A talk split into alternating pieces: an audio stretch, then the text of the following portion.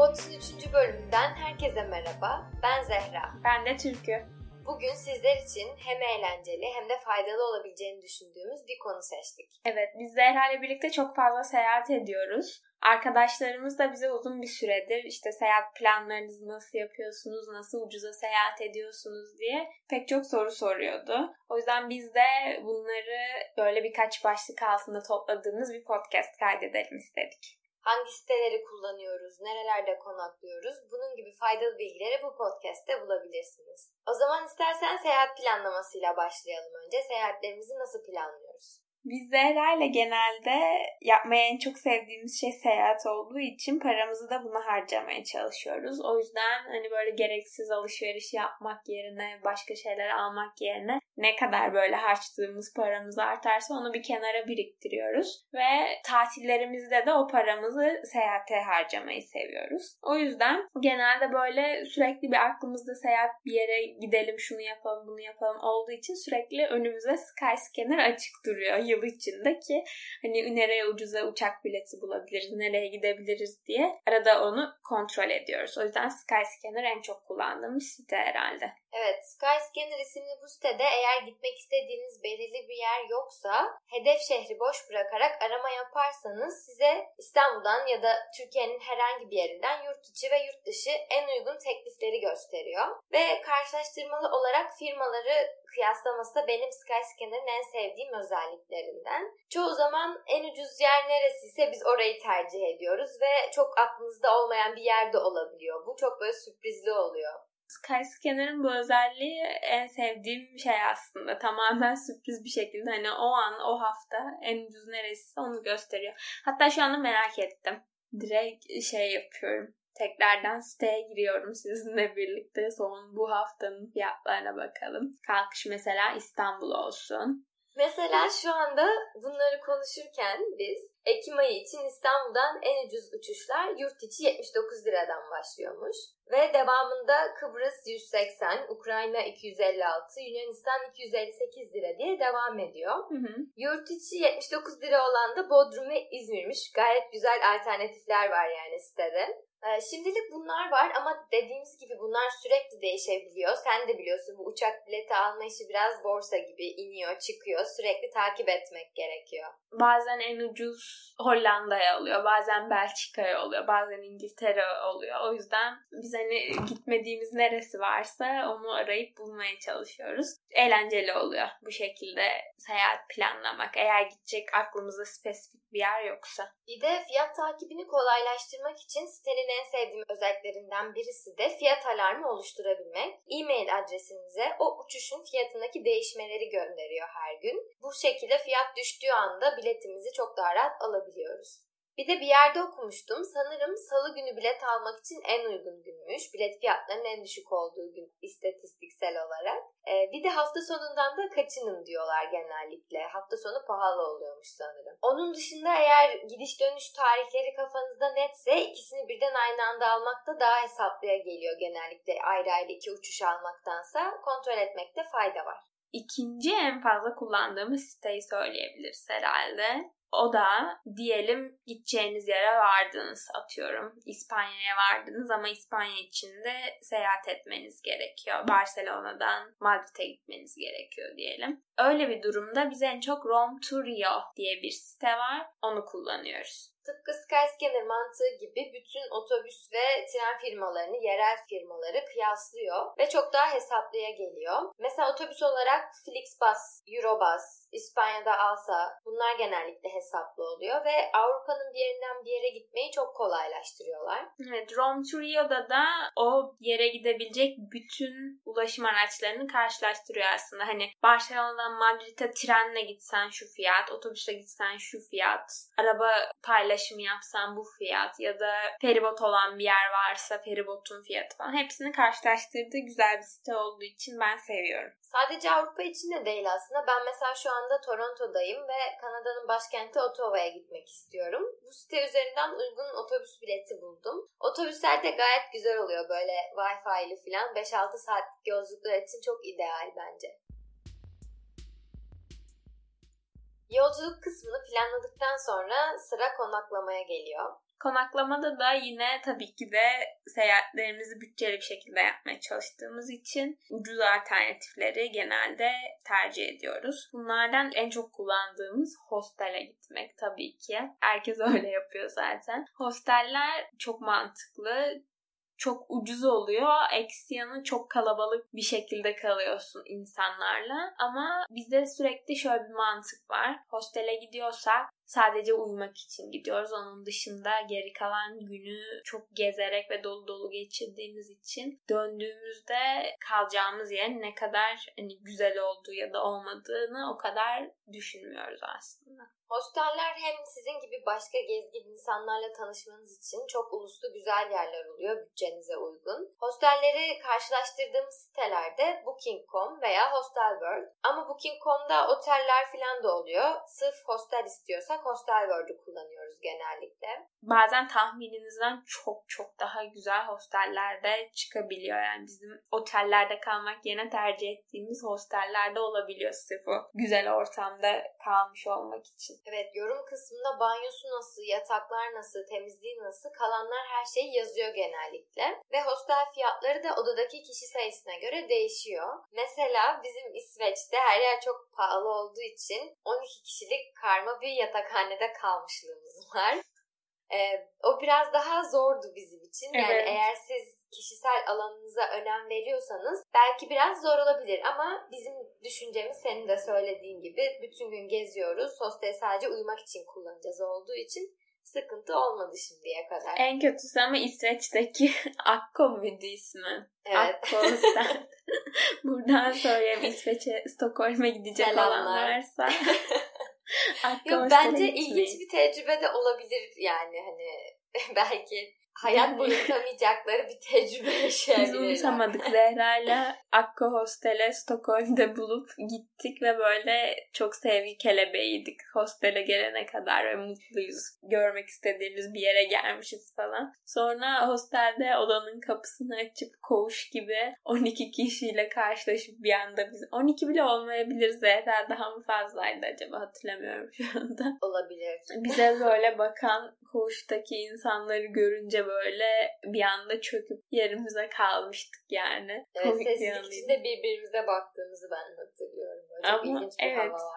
Bir de bir negatif özelliği de bazen kilitli dolaplar pek güvenilir olmuyor. O yüzden biz genellikle pasaport gibi, para gibi değerli eşyalarımızı hep küçük bir el çantasıyla yanımızda taşıyoruz. Hatta biraz uç bir örnek olacak ama benim birkaç kere cüzdanımı yastığımın altına koyup elim oradayken öyle uyumuşluğum da var açıkçası. Yani bir şey olduğundan değil tabii ama tedbiri elden bırakmamak lazım. Ama hostellerin sevdiğim bir yanı hep kötüledik biraz ama mutfakları oluyor genelde mutfakları olduğu için eğer ki gittiğiniz yerde restoranlar çok pahalıysa yani bazen bazı ülkelerde gerçekten yani bir sandviç bile aşırı pahalı olabiliyor şimdi. Bakınız İsveç. Öyle olunca şey güzel oluyor aslında böyle markete gidip oranın yerel yiyeceklerini alıp sonra hostelin mutfağında pişirmek, oradaki gezginlerle yemek falan güzel şeyler bence. Son yıllarda Airbnb de çok popüler oldu ama biz bunu deneyimlemediğimiz için şu anda çok bir şey söyleyemiyorum. Fakat kullananlar memnun kaldıklarını söylüyorlar. Bir başka alternatif de Couchsurfing. Evet, Couchsurfing benim en en sevdiğim metot. Gezerken konaklamak için. İlk aslında baktığım şey Couchsurfing'deki insanlar. Nasıl bir site ondan bahsedeyim. Şu anda zaten çok fazla insan kullanıyor Couchsurfing'i ama yine de belki daha henüz tanışmamış olanlarınız için açıklayayım. Şu mantıkla çalışıyor Couchsurfing. Bir gezginler var. Bir de gezginlerin konaklayabileceği hostlar var, ev sahipleri var. Eğer siz bir gezginseniz profilinizde artık açılan Couchsurfing sayfasında gideceğiniz yeri yazıyorsunuz. Mesela Roma'da bir yere gidiyorsunuz diyelim. Roma'daki ev sahiplerini araştırıyorsunuz oradan ve bunu filtreleyebiliyorsunuz. Mesela benim kalmak istediğim ev sahibi 18-24 yaş arası olsun. Kadın ya da erkek olsun, şu olsun, sigara içmesin, bunu yapmasın. Bir sürü filtre var. İspanyolca bilsin, İngilizce bilsin. Yani bunların hepsini filtrelerden seçebiliyorsunuz ve kendi kafanıza göre kalabileceğiniz bir ev sahibi arıyorsunuz. Bu ev sahiplerinin sonra profilleri çıkıyor karşınıza. Kendilerini tanıttıkları, nelerden hoşlandıklarını yazdıkları, ne dünya görüşlerini belirttikleri bayağı şey profiller, dolu dolu profiller oluyor genelde. Siz bu insanlara istek gönderebiliyorsunuz. İşte ben Roma'da iki gece kalmam gerekiyor. Senin profilini gördüm. Acaba senin evinde kalabilir miyim diye bir istek gönderiyorsunuz. Bunu yaparken de bu insanın güvenilir olup olmadığını referanslarına bakarak karar veriyorsunuz. Çünkü sizden önce kalmış Couchsurfer'ların bıraktığı referanslar var o kişinin profilinde. İşte çok güvenilirdir, çok eğlendik falan filan diye. Genelde çok pozitif yorumlar yazıyorlarsa o insana artık güvenebilirsiniz demektir. Ve şey de çok güzel oluyor. Güzel arkadaşlıklar ediniliyor ve o insanlar size geliyor sonrasında. Biz de bunu çok yaşadık. Ee, ya da bir yeri otel yerine lokal bir yerde kalarak deneyimlemek de gerçekten oranın yerlisiymiş gibi böyle yaşamanızı sağlıyor kısa bir süre içinde olsa. Daha o hissi alabiliyorsunuz o şehirde yaşamak gerçekten Kesinlikle. nasıl oradaki gerçekten yerli insanlarla birlikte evlerini paylaşıyorsunuz. Hem tamamen gönüllülük esaslı, para harcamadan bu deneyimleri edinebileceğiniz bir platform hem de bizim yıllardır görüştüğümüz çok yakın arkadaşlarımız Berlin'den. Onların evinde kalmıştık. Sonra bize geldiler İstanbul'a onlar bizde kaldılar. Sonra onlar Erasmus'a Macaristan'a gitti biz onların evinde kaldık gibi. İade ziyaret döngüsü. Evet yıllarca sürecek dostluklar oluşuyor. Ben o yüzden Couchsurfing'i çok çok seviyorum. Bir de komik bir şey. Kuzenim şu an Kuşadası'nda doktorasına başlamadan önce başvuruları yapmak için bir süre Kuşadası'nda kaldı. Ama çok sıkılıyordu. O yüzden Kuşadası'ndaki eve de gelecek Couchsurfer'ları profil açtı. Bu sefer biz ev sahipliği yapıyorduk. Gelecek Couchsurfer'lara. Bizim böyle ailecek o kadar sevdik ki bu olayı. En son ben İngiltere'ye geldiğimde annemle konuşuyorum. İşte hava çok kötü falan filan diye. Annem bizim eve gelmiş Koreli bir kızla plajda bana selfie falan attı yani böyle. Annem de çok dahil oldu o yüzden bu Couchsurfer olaylarına. Güzel bir platform. Herkes kullansın yani. Peki uçak biletimizi aldık. Kalacak yerlerimiz de tamam. Şimdi sıra gezilecek yerlere geldi. Nasıl olsa o gün gittiğinizde bilet buluruz deyip özellikle popüler yerlere hazırlıksız gitmeyin. Bizim özellikle Barcelona'da bu çok başımıza geldi. Artık insanlar biletlerini internet üzerinden alıp telefonlarındaki onay mesajlarıyla, QR kodlarıyla giriyorlar. Birkaç kez bizim gidip elimiz boş döndüğümüz zaman oldu. Hem de önceden biletini alan insanlar sıra beklemek yerine saat kaçta gireceklerini biliyorlardı ve direkt böyle hiçbir şey yokmuş gibi elini kolunu sallaya sallaya çok rahat bir şekilde giriyorlardı. O yüzden gideceğiniz turistik yer için online elektronik bilet satılıyorsa bunu kesinlikle öneriyoruz. Evet bunların hepsini önceden araştırmak gerekiyor. Mesela Londra'da tüm müzeler bedava ama genelde İspanya'daki tüm müzeler ücretliydi ve dediğimiz gibi hepsinin saati önceden böyle programlanmıştı. O yüzden hani o saat dilimlerine de, de önceden biletleri satmışlardı. Siz gidince o yüzden eliniz boş kalıyor. Bunu yaşamamak için Zehra'nın da dediği gibi her zaman müzelere de, tarihi yerlere de biletlerini önceden internetten almak en karlısı.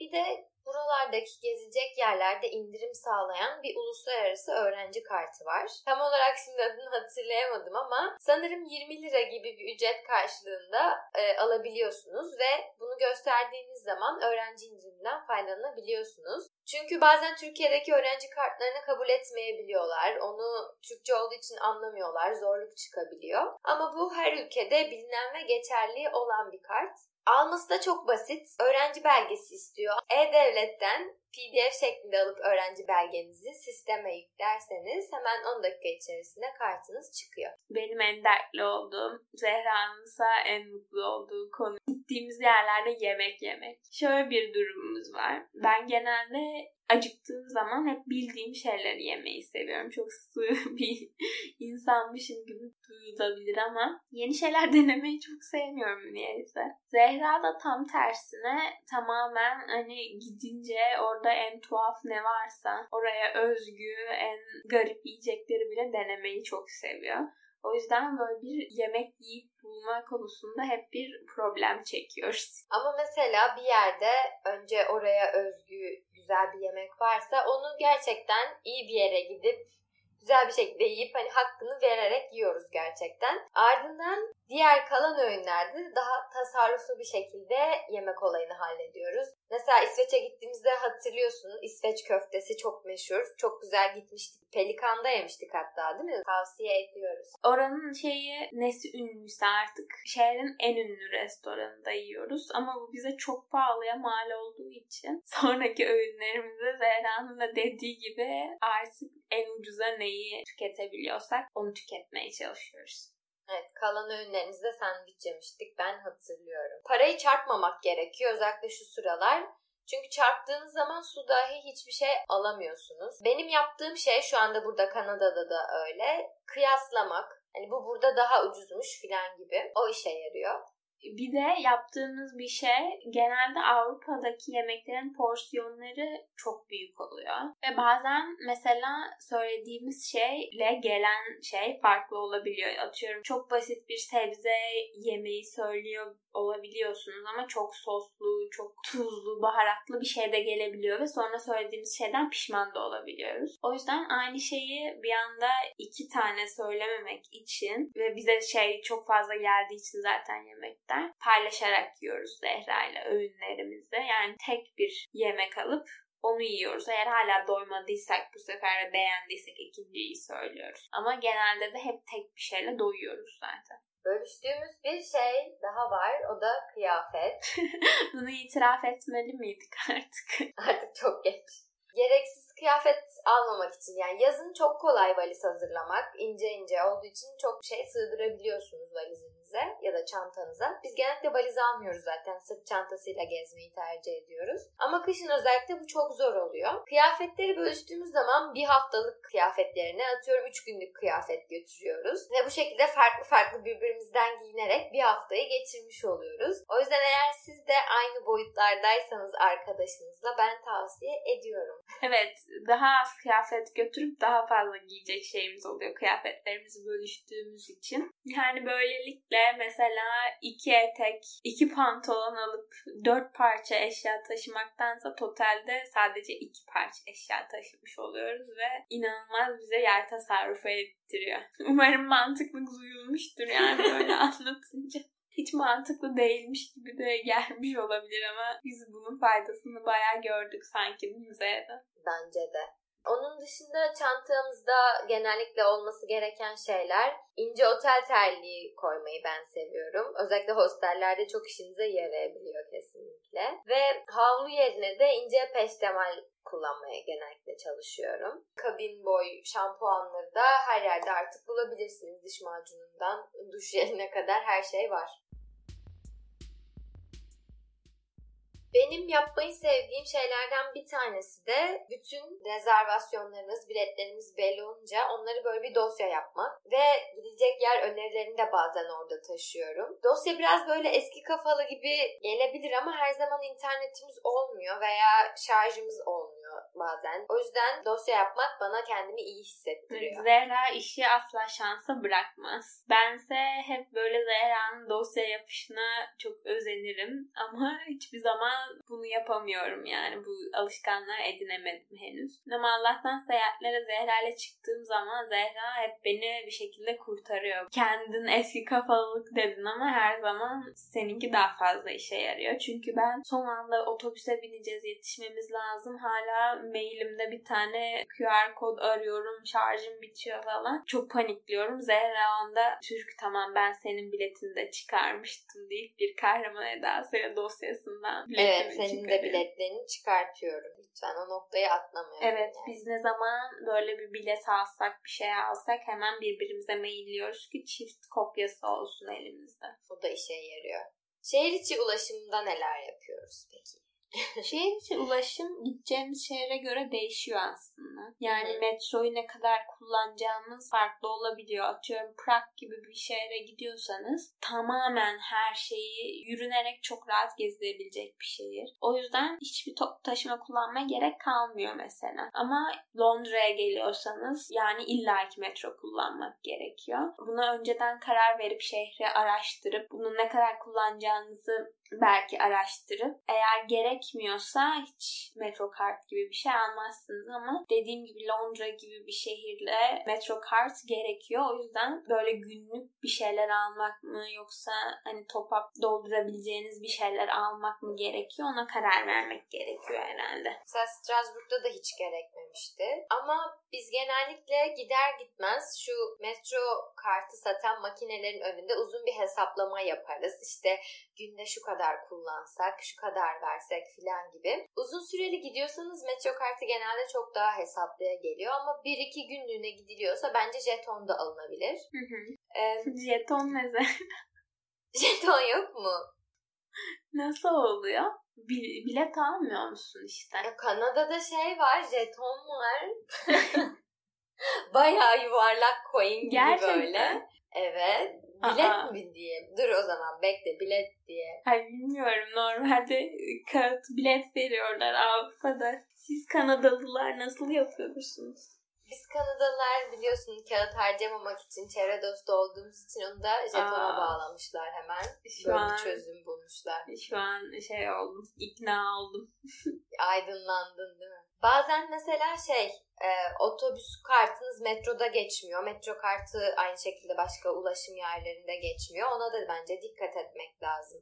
Metrolar demişken benim kullanmaya en sevdiğim uygulamamı burada da birazcık övmezsem olmaz. Citymapper diye bir uygulama bu arada. Citymapper size harita üzerinden gideceğiniz yerleri muhteşem gösteren bir uygulama. Hmm, uygulamayı ne zaman kullansam etrafımdaki herkes Zehra da dahil olmak üzere Citymapper'ı niye kullanıyorsun? Google Maps var yani aynı şey falan diye. Citymapper'ı eziyorlar ama siz onları dinlemeyin. Tamamen belirli şehirlerde var. Kaç şey 10 şehir mi var bilmiyorum. Şu an atıyor da olabilirim. Daha fazla şehirde olabilir ama seçilmiş şehirler. Seçilmiş şehirler olduğu için bu şehirlerin toplu taşıma sistemlerini muhteşem gösteriyor. Yani otobüslerin ne zaman geleceğini, ne zaman gideceğini, sonra hani bir metrodaysanız hangi çıkıştan çıkmanız gerektiğini, nereden girmeniz gerektiğini o kadar düzgün ve açıklayıcı bir şekilde gösteriyor ki kullanmaya başlayınca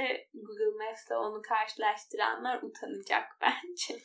İddialı konuştun. Evet. Mesela İstanbul'da var, Londra'da var. Yine böyle... Belki Toronto için de vardır. Toronto için de vardır bilmiyorum bak. Ama ben İstanbul ve Londra'da kullandım. Sadece o yaşadığım o iki şehirde vardı ve inanılmaz düzgün bir şekilde çalışıyor ve hani Steam olmadan bir yere çıkarken zorlanırdım yani eğer olmasaydı. İstanbul'da da çok rahat. Ben mesela İstanbul'da yerimi yönümü çok iyi bulamıyorum. Kaç senedir yaşıyor olmama rağmen. O yüzden sürekli Steam Apper'ı kullanıyorum. Şöyle bir bilgi de vardı sanki. Doğru hatırlıyor muyum emin değilim de hangi vagona binersen daha rahat çıkarsın çıkışa daha evet, yakın olur. yani hangi vagonun daha boş olduğunu bile söylüyor City evet. Mapper daha ne yapabilir. Gerçekten bu bilgiye nasıl sahip biraz korkunç ama çok işe yarayan bir uygulama. Sen onu kullandığın zaman bazen kahin gibi biliyorsun. Tabii söylemiyorsun da City Mapper'a baktığını. Böyle bir anda vay be nasıl bildi falan. Evet mesela burada bir tane Piccadilly Line var. Bugün orada grev varmış Steamapper bana hemen uyardı böyle. Grevin ayrıntılarına kadar yazmış. Steamapper olmasaydı Vay. şu an gideceğim yere geç kalabilirdim bugün. Steamapper sponsor. Evet. Google Maps bunu yapıyor mu ha? Söyle. Ama Tamam şimdi bir şey daha söylüyorum o zaman. Bunun sanırım tek negatif yanı yine internet gerektirmesi değil mi? O yüzden biz böyle otelde aratıyorduk internet varken ve sonra offline kullanıyorduk ama internet istiyor diye biliyorum. Evet tabii ki bu kadar hizmetin bir karşılığı Onun dışında son olarak şeyden biraz bahsedebiliriz belki. Bu Facebook'taki interrail grupları da çok yardımcı oluyor. Rota yaparken ya da bir şeyler sormak için. Ben böyle sanırım bir sürü gruba üyeyim. Yok otostop, yok bisiklet. Hiç böyle yapmadığım şeylere bile üyeyim. Güzel bir kitle oluyor ve şey gerçekten yardımcı oluyorlar. Evet bugünlük anlatacaklarımız bu kadardı. Umarım bilmediğiniz bir şey öğrenmişsinizdir. Bir sonraki bölümlerde görüşmek üzere. Görüşmek üzere.